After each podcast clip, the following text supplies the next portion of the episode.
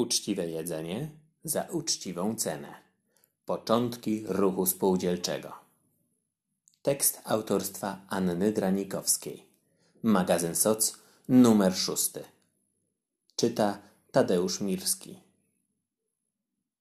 Ta historia jest jak dobry amerykański film. Sytuacja bez wyjścia, zdeterminowani bohaterowie i bohaterki, którzy walczą z przeciwnościami losu. Chwile zwątpienia, kłody pod nogi rzucane przez przeciwników, pokonywanie własnych słabości, solidarność i wreszcie to, co w filmach amerykańskich kochamy najbardziej happy end.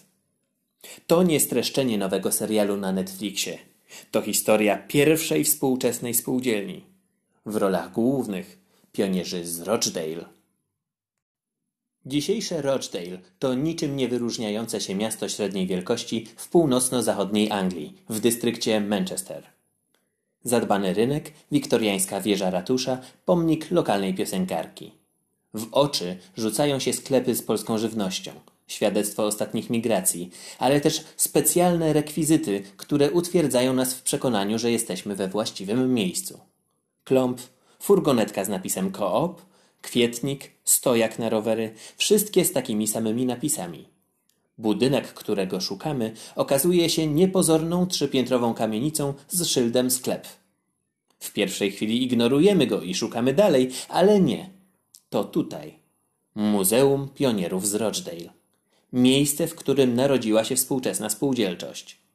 Dzisiaj Rochdale to jedno z biedniejszych miast w Anglii, ale też jednocześnie miasto, które przyjęło największą liczbę imigrantów. Sklep przy Ropuszej. 21 grudnia 1844 roku scenografia była zupełnie inna. Chociaż imigrantów również nie brakowało, tym razem wewnętrznych. Trwała mała epoka lodowcowa. Średnie temperatury były niższe o 1 stopień Celsjusza. I wielka rewolucja przemysłowa. W niedalekiej Irlandii rozkręcał się wielki głód. Wyspę opuści blisko dwa miliony mieszkańców. Liczba ofiar sięgnie półtora miliona. W Anglii sytuacja była niewiele tylko lepsza. Zarobione pieniądze z trudem pozwalały na przeżycie. W ciągu kilkudziesięciu lat Rochdale zmieniło się z nieco większej wioski liczącej sobie pięć tysięcy mieszkańców w kilkudziesięciotysięczne miasto – jedno z centrów przemysłu włókienniczego. Pracy jednak nie starczało dla wszystkich. Rozwój nowych technologii miał również negatywne skutki. Brak pracy oznaczał chłód i głód, ale nawet jej posiadanie nie gwarantowało bezpieczeństwa. Dostępne jedzenie było nie tylko drogie, ale często fałszowane. Mleko rozcieńczane wodą, do mąki dosypywano kredę. I w tych okolicznościach 21 grudnia 1844 roku swój sklep otwiera spółdzielnia pionierów. Uczciwe jedzenie za uczciwą cenę. Zacznijmy od lekko prowokacyjnego pytania. Czy pionierzy z Rochdale otrzymali bezzwrotną dotację inwestycyjną na utworzenie nowych miejsc pracy w przedsiębiorstwie społecznym? Nie. Pieniądze niezbędne na otworzenie działalności w tym wynajem lokalu, wyposażenie go i zatowarowanie, zebrali samodzielnie. Nie były to wielkie kwoty. Na takie, z racji bardzo niskich zarobków, nie mogliby sobie pozwolić. Stanisław Thugut podaje, że w nieco ponad rok udało im się zebrać nieco ponad 800 zł, 28 funtów szterlingów. Składki systematycznie co miesiąc płaciło 28 członków spółdzielni. Jedną trzecią zebranej sumy pochłonął roczny czynsz. Trochę pieniędzy poszło na wyposażenie lokalu. Zresztą założyciele wyprawili się na zakupy do Manchesteru. Taczką. Manchester nie został wybrany ze względu na szeroki asortyment. Został wybrany dlatego, że lokalni przedsiębiorcy w obawie przed konkurencją odmówili współpracy. Konsekwentnie utrudniali też wynajęcie lokalu. Z uwagi na ograniczony budżet, początkowo w sklepie były dostępne tylko cztery towary: mąka, cukier, owsianka i masło. Z czasem do oferty dołączyły świece, ponieważ pobliska gazownia nie zdecydowała się na podłączenie gazu. Powód? Obawa, że spółdzielcy nie będą w stanie opłacić rachunków. Pierwszego dnia placówka była czynna przez dwie godziny. Otwarciu sklepu towarzyszyła pikieta prywatnych przedsiębiorców przeciwnych konkurencji. Dwaj pierwsi pracownicy spółdzielni, sprzedawca i kasjer, przez pierwsze trzy miesiące pracowali za darmo. Z czasem stali się nie tylko ważnymi członkami ruchu spółdzielczego w Rochdale, ale jednymi z założycieli Towarzystwa Spółdzielczego w Manchesterze, a przez to ważnymi postaciami ruchu spółdzielczego w całej Anglii. Ale to dopiero w następnym sezonie. Bohaterowie.